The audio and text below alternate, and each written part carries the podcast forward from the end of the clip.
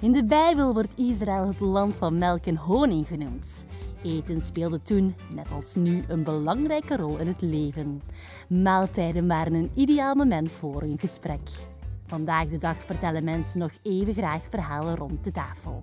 Ik koppel het nuttige aan het aangename en zoek praatgrage gasten op in hun keuken. Op het menu staan boeiende geloofsgesprekken terwijl we werken aan een hemels hapje.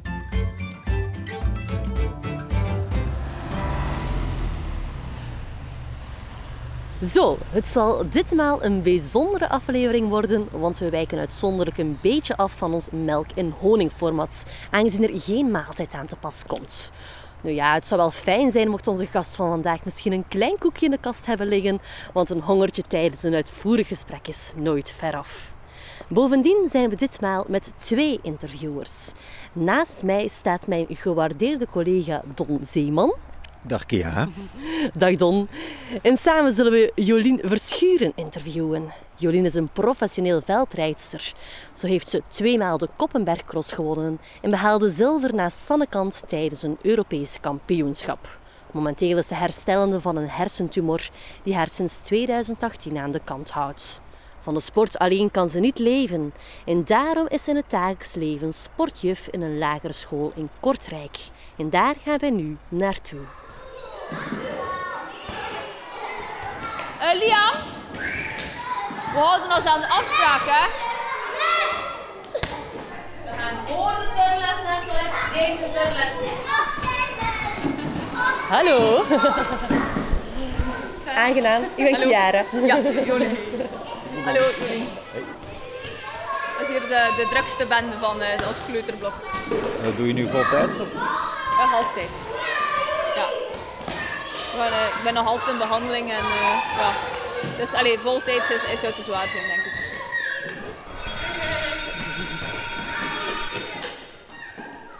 Eh, we zijn in het materiaalhok dat hoort bij deze school. En bovendien, Jolien, zijn we niet zomaar in een traditionele katholieke of gemeenschapsschool, maar in een scholengemeenschap die zichzelf Scholen met de Bijbel noemt. Kan je eens uitleggen wat dat dan inhoudt?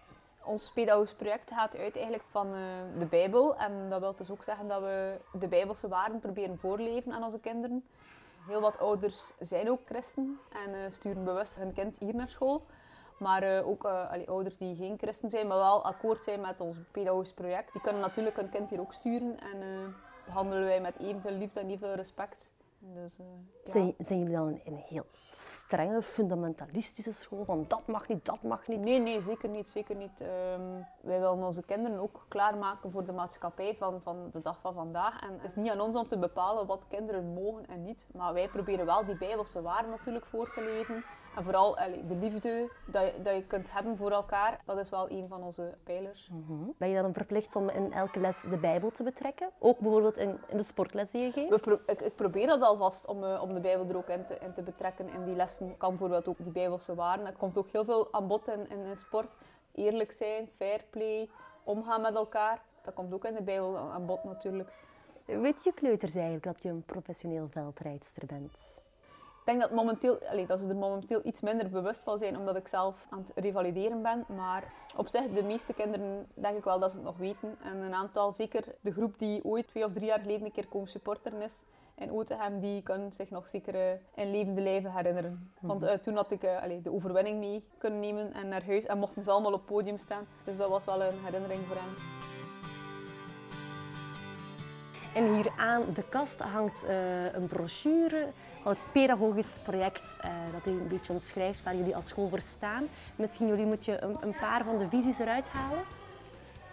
Ja, eh, ons, ons school staat eigenlijk voor ehm, relatie tot God, maar ook relatie tot de naaste. Dat vinden we ook heel belangrijk, dat kinderen goed leren omgaan met elkaar, maar ook omgaan met de natuur. Dat is ook iets dat er zeker in zit. Eh, wij zijn heel trots op, de, op Gods schepping en eh, willen ook dat onze kinderen daar respect voor tonen. Dat zij toch wel een positief kritische houding hebben tegenover zichzelf, over, tegenover elkaar en de maatschappij als het geheel. We willen ieder kind optimale kansen geven om zich te ontwikkelen. Ehm, Je hebt eigenlijk al een, eh, een voordeel, want christelijke kindjes zijn allemaal heel brave kindjes. Nee, als, als, als kinderen ehm, kunnen even goed deugniet zijn en, en, en alle kinderen hebben een vrije wil gekregen, dus ook, ook, eh, ook onze kinderen durven wel een keer een, een, eh, een grenzen opzoeken. Het is dan aan ons om die grenzen te stellen natuurlijk. Ze krijgen heel veel kansen opnieuw en ze kunnen heel veel opnieuw terugproberen. En Toch niet altijd makkelijk als ze soms heel vervelend zijn. Hè?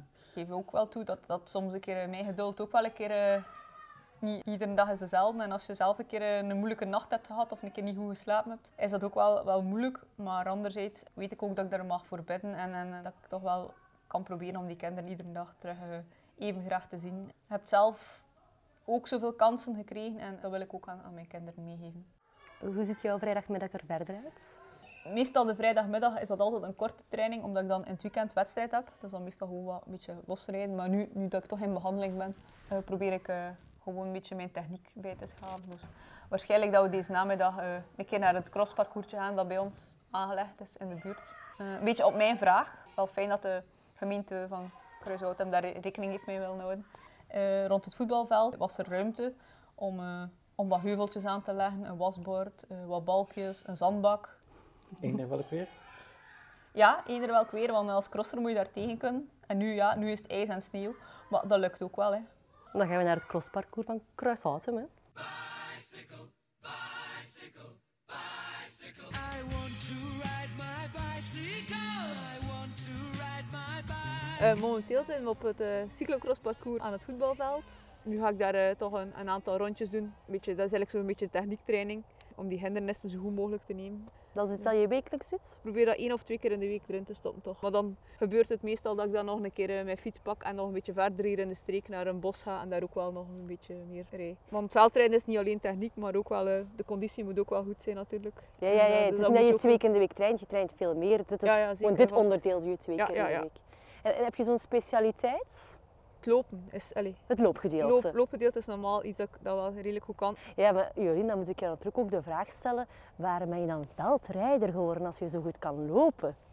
Ja, omdat dat de ja, veldrijden een beetje de combinatie is van de twee. En dat is iets dat, ik, dat de meeste veldrijders niet zo graag doen, lopen. Ja. En ik loop, ik loop dan wel bijvoorbeeld graag en, en dan blink ik daar wel iets meer in tegenover Ja. en dan wel uit. En atletiek was geen optie? Ha, nee, ik heb de, de fietsmicrobe een beetje meegekregen dankzij mijn papa. Ik ben begonnen met voetbal en dan, eh, papa deed dat al en veldrijden en wielrennen. En dan eh, ja, zij ging mij daar mee gaan supporteren voor papa. En dan eh, begon er daar op een bepaald moment ook kinderreeksen te ontstaan. En zo zijn we daar, mijn broer en ik zelf daar in terechtgekomen. Ja, ja. En Vind je dat leuk om af te zien?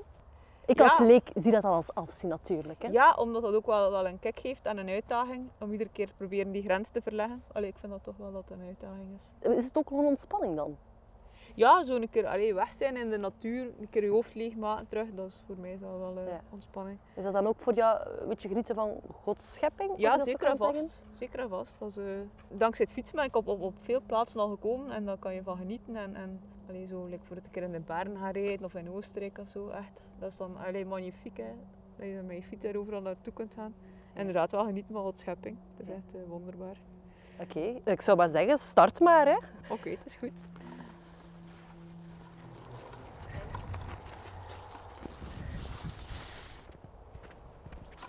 Kom maar Jolien.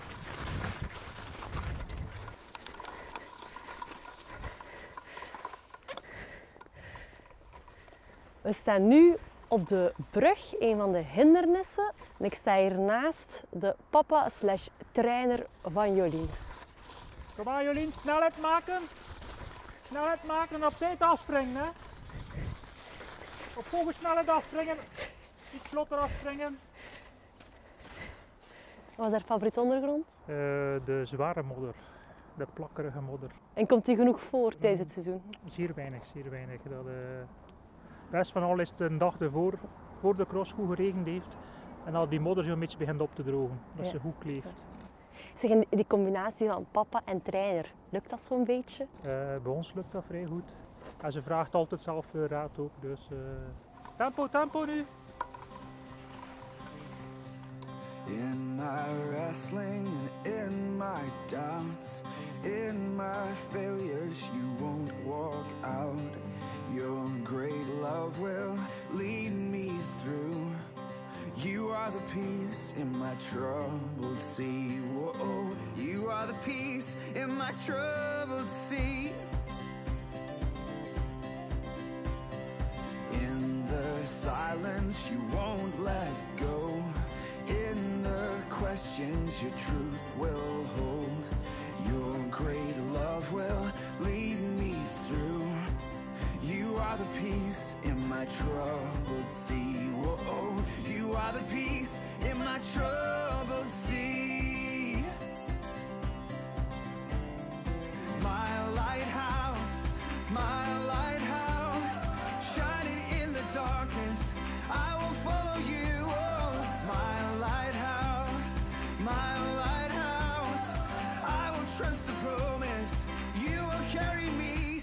to shore. Safe to shore. Safe to shore. Safe to shore. I won't fear what tomorrow brings. With each morning, I'll rise and sing. My God's love will peace in my troubled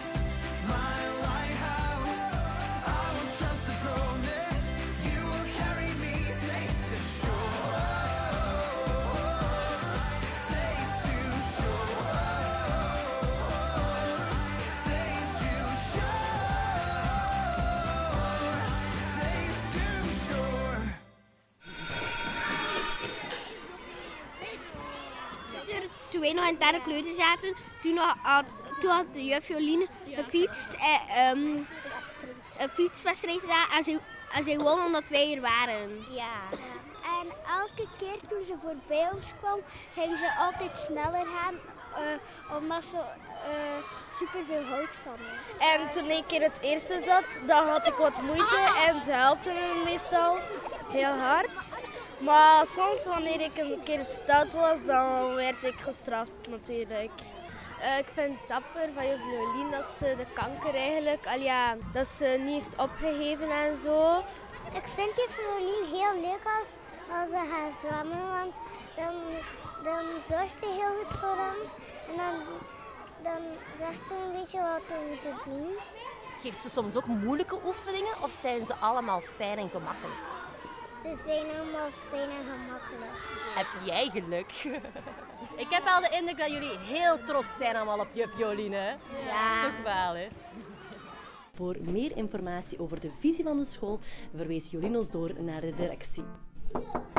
Ik ben Claude van directeur van School met de Bijbel, de ARK. Scholen met de Bijbel behoren dus tot eh, eigenlijk het vrij onderwijs en eh, vormen een zeer kleine koepel binnen het eh, onderwijslandschap. Er zijn uiteindelijk maar negen scholen met de Bijbel in, in heel Vlaanderen. Wat is die visie dan juist? Een ontwikkelingsvisie die, die gebaseerd is op de Bijbel, houdt op een andere manier rekening met de ontwikkeling van een kind dan een, een visie die gebaseerd is op bijvoorbeeld humanisme. We zitten in een maatschappij waar nu waar men eigenlijk probeert om eh, te gaan nivelleren alsof er geen verschil meer is. En dat is natuurlijk een, een, een vanuit een postmodern denken eh, heel begrijpelijk. Als je neutraal bent, dan is er een, een tolerantie naar iedereen. Maar wat men vergeet is dat neutraliteit binnen onze maatschappij is humanisme. En humanisme is niet neutraal. En, en, en, dat misverstand zorgt ervoor dat, dat eh, heel veel mensen die gaan daarin mee in, in die manier van denken. En bij de poging om het godsdienstonderwijs weg te laten wordt gezegd we gaan dat vervangen door burgerschap. En als je dan vraagt wat is dat dan burgerschap, wat houdt dat in? Dan zeggen ze dat is filosofie en dat is ethiek en dat is uh, burgerzin bijbrengen bij de, bij de kinderen. En dan vraag je en zijn dat dingen die niet levensbeschouwelijk uh, bepaald zijn, zoals ethiek en, en, en, filosofie? Zijn dat dingen die losstaan van de, van de levensbeschouwing? En dan komt er een, een, een ongemakkelijke stilte. Dus um, het, het, maakt wel degelijk uit welke levensbeschouwing je hebt. En de manier waarop je in, in de maatschappij je plaats inneemt, hangt sterk af van je, van je levensbeschouwing. Stellen jullie speciale eisen om hier les te mogen geven? Ja, ja. en dat is um, op zich natuurlijk altijd moeilijk, omdat um, het, is, het is niet dat, we, dat wij uh, mensen willen discrimineren, maar vanuit ons pedagogisch project is er nu eenmaal de, de voorwaarde dat je dat pedagogisch project handen en voeten kunt geven. Dat je zelf uh, voorleeft wat je van de kinderen verwacht. En het is heel moeilijk om, om te zeggen, we gaan een conventioneel, een door de Bijbel bepaalde levenswijze voorleven, als je daar zelf niet achter staat. Als je niet meer zelf belichaamt wat de specifieke visie van de school is, dan zal die school op korte of lange termijn haar doel voorbij schieten. En vandaar dat, dat wij het belangrijk vinden dat de mensen die, die, betrokken zijn bij, bij de school, dat die ook echt helemaal erachter staan. Dat ze niet alleen uh, zeg maar in theorie zeggen van wij zullen dat pedagogisch project uh, uitbouwen, maar we willen ook graag dat ze het uitleven, dat ze levende voorbeelden zijn van wat dat pedagogisch project betekent.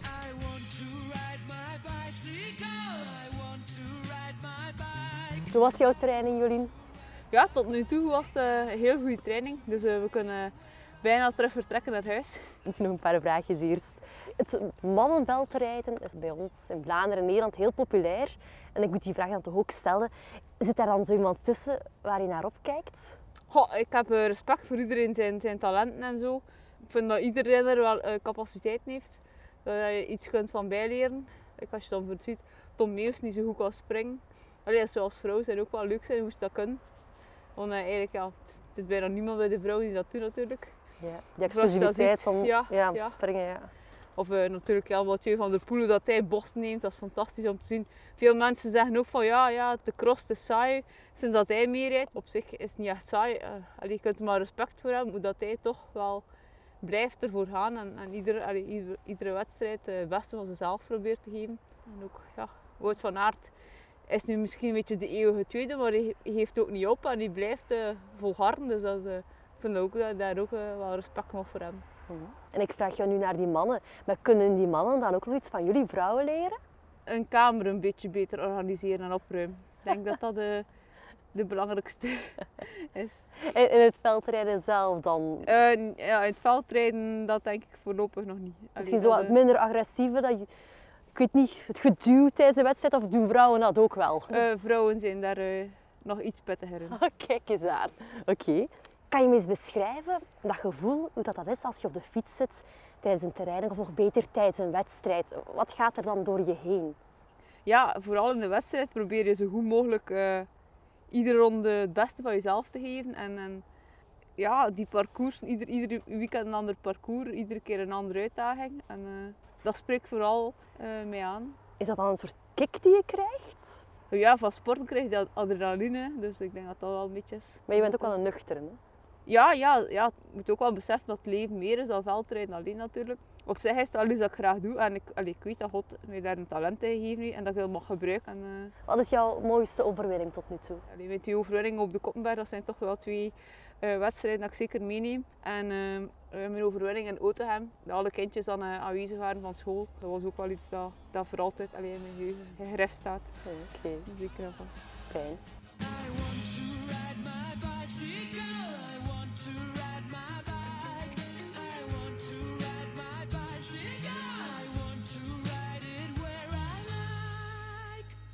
Ja, Jolien, misschien op de heel grote fans van jou na. kennen denk ik veel de naam Jolien Verschuren toch nog niet zo heel goed. Hè? Desondanks heb je al tweemaal de Koppenbergcross gewonnen. En je bent ook eens tweede geweest op een WK of op een Op EK. een EK, op naast- Europees, ja. ja. Vind je dat erg dat je zo nog niet echt de eer krijgt die je toekomt? Goh, ik krijg natuurlijk niet echt voor, voor de eer. Het is natuurlijk omdat ik het graag doe. En eh, de mensen moeten mij niet volgen omwille van mijn prestaties. Meer om de persoon wie ik ben. Dat vind ik belangrijker. Ja. Maar ja, ik denk, mocht je een man geweest zijn en je had dat allemaal gewonnen, dan had je al een grotere naam gehad. Ja, en waarschijnlijk een groter salaris ook. Maar ja, Dat ook. dat, eh, Dat stoort je niet. ja nee, dat, dat is nu eenmaal zo. En dat is het belangrijkste ook niet. Hè. Als je op het allerhoogste niveau sport, dat heb je in het verleden gedaan en dat is misschien wel jouw ambitie om terug te doen, heb je nog tijd om een, een zinvol leven te hebben naast de sport? Ik vind van wel. Natuurlijk, er gaat heel veel... Je moet heel veel tijd investeren natuurlijk in die sportcarrière. En daarnaast heb ik ook nog mijn werk. Dat vraagt ook wel heel veel tijd. Maar anderzijds denk ik wel dat ik nog voldoende tijd heb om, eh, om andere dingen ook wel te doen.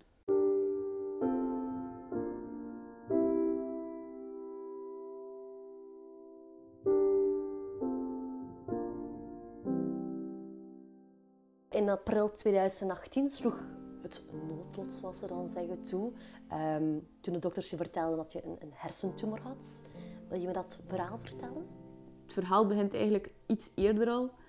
Drie jaar daarvoor dan had ik een eh, dom valpartijtje gemaakt op de weg. En dan hadden ze vermoeden dat het een hersenschudding was. En zagen ze ook op de beelden dat er een trauma was. Maar na een maand moest ik dan terug op controle gaan. En dat trauma in mijn hoofd dat was nog altijd niet weg. Wat het precies was, dat kon, niemand op dat moment zeggen.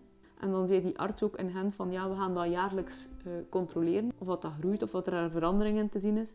In het derde jaar was dat gegroeid dan. Dan hebben ze ook direct maatregelen genomen en zo gezegd van kijk, we gaan dat eh, weghalen en we gaan dat onderzoeken. En dan in de, uiteindelijk hebben we dan in april dat laten weghalen en dan was het eigenlijk eh, jammer genoeg een uh, kwaadaardere hersentumor. Waarvoor ik nu nog altijd in, in nabehandeling ben. Ja, ik wou het net vragen. Waarschijnlijk zijn er chemobehandelingen dan opgestart. Uh, dus de tumor is normaal helemaal verwijderd. En dan standaard bij zo'n soort hersentumor is het uh, eerst uh, zeven weken bestraling met chemo. Dan eventjes pauze ertussen. En dan is het sowieso nog twaalf sessies met chemo. En die sessies zijn afgerond? Nee, vijf van de twaalf zijn afgerond. Bijna halfweg. Toen als ze die, die diagnose kregen, het is kwaadaardig. Was je toen bang? Ja, ik moet wel zeggen, allee, er kwamen wel direct, direct traantjes en, en, en je zit er natuurlijk niet echt gerust in en je moet alles loslaten. En, en je weet natuurlijk niet wat gaat er op je afkomen en wat, wat gaat er allemaal gebeuren. Maar anderzijds had ik wel ook wel een beetje het gevoel van, mag het loslaten en mag het aan God geven. En uh, ik had allee, daarvoor al een keer een, een, beetje een, moeilijke periode gehad, een beetje in mijn, in mijn geloof. Van ja, God, allee, iedereen spreekt over vertrouwen hebben en zo. En, en oké, ik wil u wel vertrouwen en geloof hebben, maar ja, dat was zo moeilijk. En, en dan had ik zo op een bepaald moment ik in s'avonds het gevoel dat, dat God tegen mij sprak en dat hij zei van ja Jolien, er gaat een periode komen en gaat niet anders kunnen dan mij vertrouwen. En ik denk gewoon dat die periode hier nu is. Ik merk ook gewoon, zolang als ik hem vertrouw en dankzij de steun ook van, van mijn ouders, dat ik er wel redelijk goed mee kan omgaan. Maar ja, bij een hersentumor word je dus nooit genezen verklaard. Normaal gezien allez, is het allemaal verwijderd, operatief. Maar het is niemand die dan met zekerheid kan zeggen dat er niks gaat terugkomen. Dus ik ga inderdaad heel mijn leven vertrouwen moeten hebben dat dat, dat, dat zo stabiel blijft. Je vertelde dat je nu uh, in de periode bent van chemobehandelingen. Um, chemo is uiteindelijk ook een soort gif dat in je wordt gespoten, um, dat ook vaak naar bijwerkingen kan geven. Ondervind je daar last van? Buiten een beetje vermoeidheid heb ik niet zoveel bijwerking gehad. En ik denk dat ook wel iets is dat, dat, ondanks de situatie, dat ik er toch wel nog redelijk in gezegend ben, dat dat wel redelijk goed gaat. Want als ik daar bepaalde mensen zie, die kunnen zelfs niet meer stappen, die moeten overal gebracht worden met een rolstoel. Here's my heart, Lord. Here's my heart, Lord. Here's my heart, Lord. Speak what is true.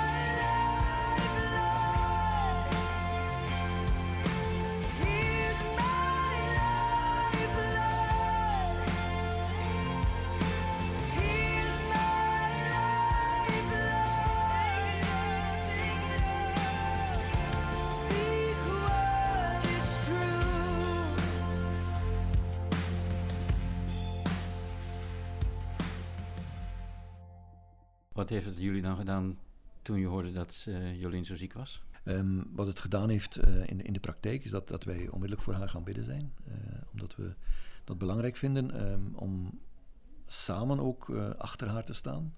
En we hebben ook een, een soort van afspraak gemaakt dat we ehm, op gezette tijden haar zouden opzoeken, op- een belletje geven, een kaartje sturen.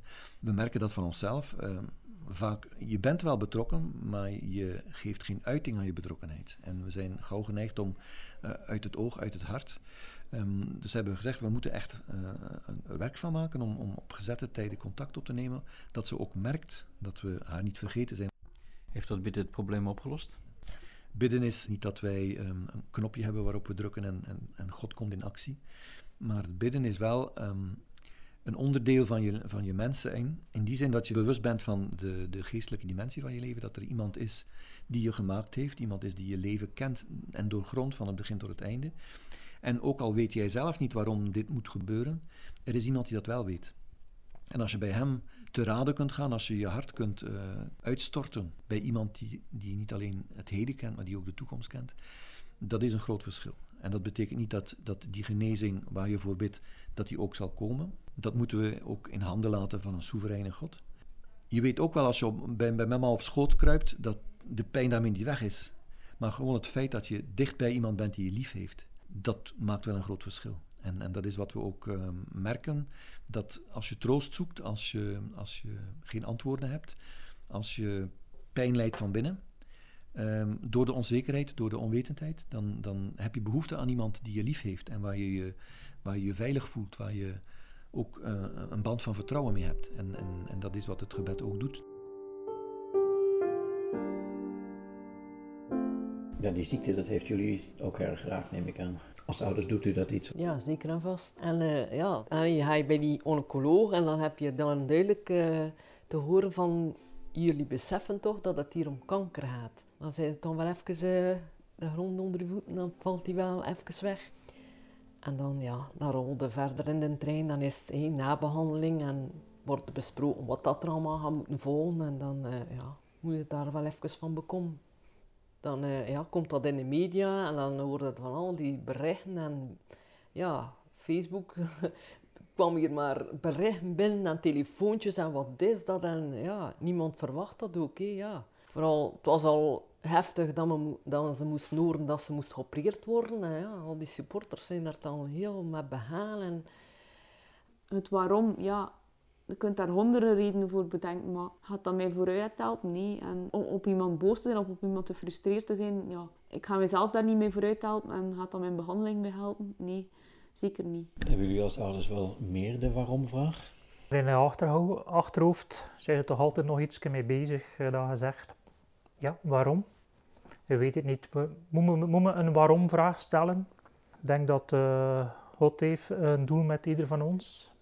En we weten niet wat er eigenlijk op ons levenspad afkomt. En ik denk dat we ook dus in deze periode dus, eh, het beste moeten mee, omgaan en het beste mee maken eigenlijk. En die waarom-vraag een beetje verbergen in ons achterhoofd en er ons bij neerleggen dat dat, eh, dat dat ook een doel zal hebben. En dat zal de toekomst uitwijzen. Is dat zo gemakkelijk als het klinkt? Of is dat... eh, Is niet gemakkelijk. Nee. Thema studeert jou duidelijk, hè, Frankie? Ja. Het is niet gemakkelijk, hè. Allee, ja. En sommige dagen kun je daar echt over praten en is... Allee, nu gaat dat terug een heel heftige dag zijn voor ons. Vannacht wordt dat terug, eh, ja... Ja, wij halen het allemaal boven natuurlijk. En het is vooral, ja, het is uw oudste dochter, het is uw eerste kind. Dat, dat is zoiets... eh, dat heeft iets apart. Enig idee hoe je dit zou verwerken als je God niet kende? Ik denk dat we Ik denk dat we meer verbeterd zullen zijn, denk ik. Ja. En volgens de wetenschap is het ongeneeslijk voor jullie. En, ver- en we verwachten een wonder. Daarop stellen we ook ons geloof. Dat eh, het geloof sterker is dan de wetenschap. Ben je veel dingen in het leven gaan relativeren als er iets gebeurt? Ja. Eh, genieten van eenvoudige dingen. Je minder druk maken om bepaalde omstandigheden die gebeuren in je Ja. leven. Dat is echt... Het is maar tijdelijk verhankelijk of iets. Of dat je zegt, krijg nou een keer een buil in mijn auto. Het kan hersteld worden. Hè. Waarom moet je daarom nog druk in maken of iets? Dat, dat je zegt, eh, het zijn veel belangrijke dingen in het leven. Nu bekijk ik mijn dag per dag. Vroeger zou men gezegd hebben van... pff, die wedstrijd of die wedstrijd is belangrijk. En dan keek me er al naar uit. En ja, en, en de supporters die maar aangroeien en zo. Maar nu is dat voor ons niet meer zo belangrijk. Nu is dat gewoon van, ja... Zorgen dat Jolien weer gezond wordt. Allee, of terug beter wordt. En eh, dat is nu voor ons het belangrijkste. Jolien, je timmert nu aan je, of langzaamaan aan je terugweg naar het veld, het circuit. Waarom wil je dat? Kan je bijvoorbeeld ook geen wat jou is overkomen niet zien als een, een signaal bijvoorbeeld van doe het rustiger aan, het lichaam is zwak? Ik denk dat ik het gewoon ook nog, nog te graag doe en gewoon nog wil bewijzen dat dat nog kan. En aan wie wil je het bewijzen? Ik denk vooral ook aan mezelf. ja. Ben je minder Jolien als je niet aan veldrijden zou doen? Ik weet niet of dat minder, geluk, allee, minder gelukkig zou zijn, maar ik denk dat het vooral belangrijk is gezond worden. Dat dat het eerste is. En ik weet dat God heeft met iedereen een plan. Als het niet lukt, ja, dan ga ik er mij ook moeten neerleggen. En dan is het Gods wil om op die manier verder te gaan. Ik ga niet zeggen dat God dat, dat per se wilde dat ik dat had. Maar heeft mij wel, mijn geloofsleven wel al een boost gegeven. En ik vind dat ik dichter bij God sta dan ervoor wel. Wat waren de reacties die je kreeg van je sporters en eh bij je teamgenoten in het veldrijdscircuit toen ze hoorden dat je een hersentumor had? Veel mensen gaan nu niet meer naar de wedstrijd omdat ik niet meer rijd. Dus dat, is ook, dat doet wel een beetje raar. En hij gaat toch wel terugkomen. En ja, oké, ik, ik wil graag terugkomen. Maar is dat, ja, voor, is dat voor, de, voor hen dat ik moet terugkomen? Of, of, of heeft God echt nog een plan met mij? Met mij? Ja, natuurlijk, die supporters die, die, die hechten daar veel belang aan, aan die prestaties en zo. Anderzijds, ja, ik weet niet als ik terugkom op dat niveau, of dat dan nog hetzelfde gaat zijn natuurlijk, voor of na. Ondertussen gaat, gaat hun leven voort, gaat mijn leven voort. En, en ja. Dus ook weer een beetje loslaten en, en vertrouwen in hebben. Jij geeft dat niet, niet een ongelooflijke druk op jou om uiteindelijk toch twee keer de Koppenberg Cross gewonnen. Ja, heb je die druk niet? Ik, ondanks dat mij nu is overkomen en ik moet terug naar dat niveau of ik moet het niet. Ja, ik, ja, ik, ik wacht het een beetje af. Als, als, als God echt nog wil dat ik op dat niveau terugkom, denk ik wel dat dat moet lukken.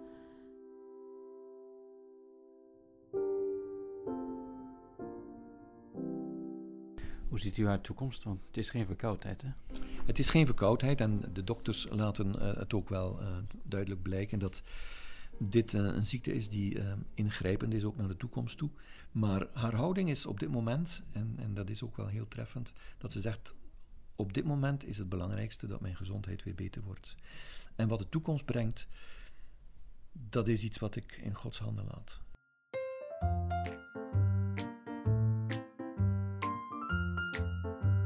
Ben je eigenlijk christelijk opgevoed?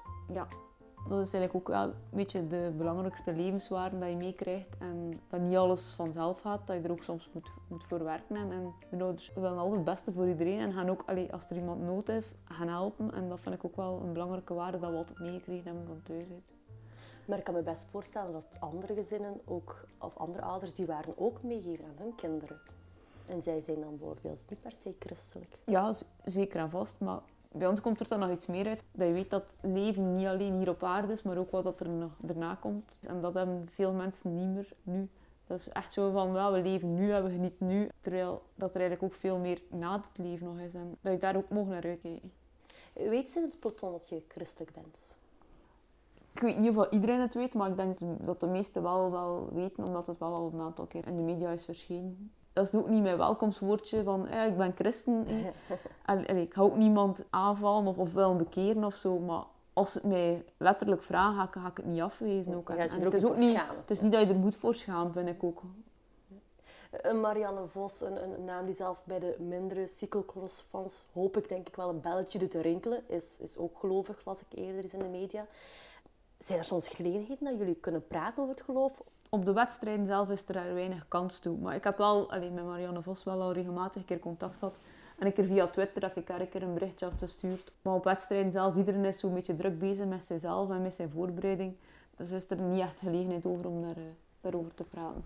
Maar het geeft dan toch een soort van verwantschap met ja, Marianne Vos? Ja, of, ja, dat wel. Dat vind ik van wel. Dat dat zeker toch wel eh, een verbondenheid heeft. Kan je professioneel sporten, je lichaam afmatten, die, die zware mentale druk, alles moet wijken voor een sport. Als je het op het allerhoogste niveau doet, kan, kan, je, dat, kan je dat bijbels noemen?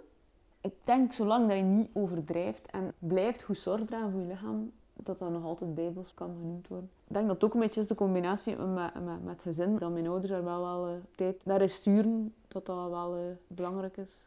In de winter kan ik niet veel kerkdiensten bijwonen, omdat ja, vaak op zondag wedstrijd is. Mm -hmm. Dus ik denk wel dat God mij daar niet later al over beoordelen van ja, uh, Jolien, je hebt in de winter uh, zoveel diensten gemist.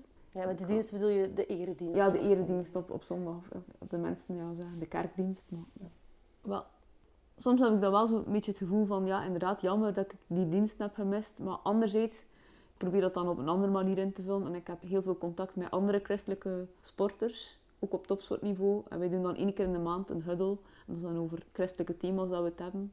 Een wat? Een huddle. Dan spreken wij een aantal thema's af. Zo een keer een bijbelstudie dat we doen. Of, of een keer ja, bidden voor elkaar. Of het leven delen een beetje.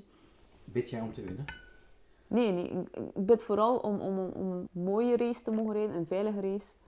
Bidden echt voor de overwinning. Allee, dat is niet, niet, niet, niet van toepassing, denk ik.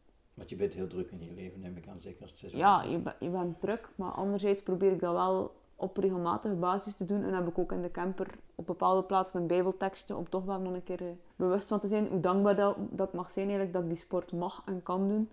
Zeker nu, ja, als je aan het herstellende bent, dan, uh, dan bid je natuurlijk wel ook iets meer. Christelijk opgevoed worden, wil dat zeggen, ze sleept u elke zondag mee naar de kerk? Of? Nee, ik ben no nooit verplicht geweest van je moet en je moet. Nee. En ik vind ook niet dat geloof iets moet zijn dat moet geforceerd worden. Het moet echt van jezelf komen, hè, dat geloof. Is het dan genoeg om gewoon genoeg te bidden en naar dat niveau te geraken? Of, of komt daar toch ook vooral veel trainen bij? Ja, gewoon bidden zonder trainen, dat gaat niet lukken. Dat zou, dat zou gemakkelijk zijn. Je moest iedereen gewoon een beetje bidden. We hebben het er ook al allee, over gehad, ook, dat is ook zijn van... Ja, zolang dat je plezier beleeft aan je sport, um, voor ons hoef je niet terug te keren op dat hoogste niveau.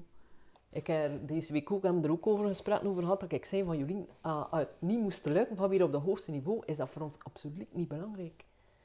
Wij willen gewoon, veel belangrijker dat je zegt van, dat je weer gelukkig bent en dat je eventueel een gezin kunt stichten, vinden wij heel belang, veel belangrijker dan dat ze ooit op dat niveau weer zo kunnen terugkeren. Het is mooi dat, allez, ik zeg ook, je moet kijken naar hetgeen dat je allemaal gerealiseerd hebt, Even dat je allemaal, je hebt keer een kopmerk gewonnen, iets dat veel vrouwen al zou wel voor een tekenen dat ze dat graag ook een keer zouden kunnen. En ik zei, hij hebt dat toch twee keer gerealiseerd. Ik zei, je moet daar ook een keer op, uh, op bouwen en zeggen van, hé, dat, ik heb dat toch allemaal al bereikt en lukt dat niet meer. En maar voor ons is dat niet zo belangrijk. Dus de Koppenberg is niks in vergelijking met uh, deze strijd? Of? Ja. Nou, veel mensen zeggen dat ook van, hé, je had deze, deze berg ook wel kunnen beklimmen, maar je had deze berg ook wel overwinnen.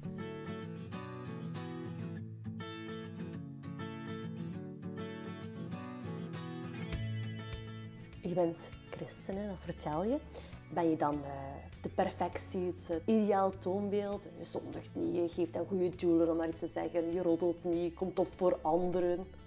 Nee, ik ben zeker niet, niet de perfectie en, ik maak nog altijd fouten. En mensen kunnen mij daar zeker op wijzen dat ik ook wel een keer een fout maak en zo. En het is ook niet allee, dat ik mij dan, omdat ik christen ben, dat ik mij ga laten doen of zo. Of dat ik een doetje ben of zo, dan dat niet. Maar ik vind wel belangrijk dat je nog altijd respect hebt voor je, je mederenster. En, ja. Je bent 29, je woont nog bij je ouders. Verlang je niet naar een eigen gezin? Ja, dat is zeker en vast. Ik denk dat God ook wel weet dat dat een van, van mijn wensen is. Dat ik toch ook wel verlang naar een eigen gezin. Ik kan niet eeuwig thuis blijven wonen, maar ik word hier goed omringd. En zeker nu, ondanks de situatie, ja, moest je nu alleen wonen of zo, dat zou wel een stuk lastiger zijn natuurlijk als je nog in behandeling bent en zo. Dus ik ben heel blij dat ik kan terugvallen uh, op mijn ouders. En inderdaad, naar de toekomst toe. Je zegt dat is van jouw wens. Bedoel je dan, zeg het als ik te persoonlijk word, hè? bedoel je dan partner of gewoon een, een eigen stek? Beide. Je verlangt ook naar een partner en liefst dan natuurlijk een, christelijke partner. Om, om diezelfde levensvisie te delen ook, naar later toe, naar, naar je eigen kindjes en zo. Maar een eigen stekje, dat hoort er dan natuurlijk ook wel bij, hè, als je iemand op je pad komt. Wat was eigenlijk het moeilijkste moment in verband met je ziekte? Uh, op het moment dat je merkt die, die, die plek wordt groter of uh, op het moment dat je hoort het is kwaadaardig? Wat heeft de grootste schok gegeven? Een beetje de combinatie, omdat je gewoon niet weet wat dat, wat dat gaat inhouden. Van, ik wist dat het een hele zware operatie ging zijn. Aan je hersenen kan natuurlijk altijd iets mislopen. Dat was vooral een beetje de angst van, gaat dat wel allemaal goed komen? En, en ook het lastige was ook dat je ouders zo ziet afzien. Ik voel het minder aan als een gevecht. Ja, het zijn moeilijke dagen, het zijn makkelijke dagen, maar het is wel af en toe er iets gebeurd dat dat minder goed was. En, en op een bepaald moment was er, dat er dan vocht in mijn hoofd, hebben ze dan nog een extra operatie moeten doen ja, ik ben ook wel af en toe een keer, allez, moet ik zeggen, een keer gefrustreerd of zo. Allee, voor het gisteren, nou, de bloedplaatjes waren nu in orde, het waren nu de witte bloedcellen. Ik zeg, ja, wat gaat het nu zijn? En wil natuurlijk ook wel zo snel mogelijk dat die behandeling is afgelopen. Hè. Dus uh, dat is dan iedere keer weer een week verlengen, een week. Allee, ja. Je kijkt gewoon uit naar dat eindmoment, al die behandelingen weg zijn. En... Dus daarom dat ik ook wel nog veel sport en al, dat is ook om weg te zijn. En terug ook nu halftijds aan het werk ben, omdat ik niet altijd moet, moet zitten nadenken of zo. Dus anders ben je daar denk ik gewoon een beetje te veel mee bezig. Als ik dan een keer alleen ben, dan, dan weet ik ook dat God er altijd is. En, en, dan heb ik altijd iemand om mijn zorgen te delen. Gewoon het gevoel dat je weet dat je er niet alleen voor staat. Ik denk dat dat het belangrijkste is. Wat zijn jouw ambities nog verder in het leven? Stel dat je, dat je nu 60 bent. Wat wil je dan tegen dan verwezenlijkt hebben? Dan hoop ik dat mijn ouders grootouders zijn. Dat ik toch ook al een beetje verder sta in het leven en uh, een mooi gezin heb en een mooi leven heb kunnen opbouwen. Ik, iedereen droomt ervan als hij, allee, om ooit een keer zo'n trui te halen. En of dat dat een Belgisch kampioen Belgisch kampioentrui of, of een wereldkampioen of een Europees. Ik denk dat dat, allee, dat is altijd iets dat ik gezegd heb van dat wil ik nog bereiken. Maar anderzijds vraag ik me dan af, ga ik zoveel gelukkiger zijn als ik dat bereikt heb? Nee, ik denk dat niet. Maar ik vind wel, als je sport, dan moet je wel ambitie hebben en proberen er toch voor te gaan. Wat is voor jullie de mooiste overwinning? Uh, die moet nog komen, hè. Haar volledige genezing. Ja. Daar kan geen wedstrijd aan tippen. Nee. Nee, zeker niet. Zelfs geen WK-truitje? Nee, zelfs geen 10 WK-truitjes. Nee. nee. nee.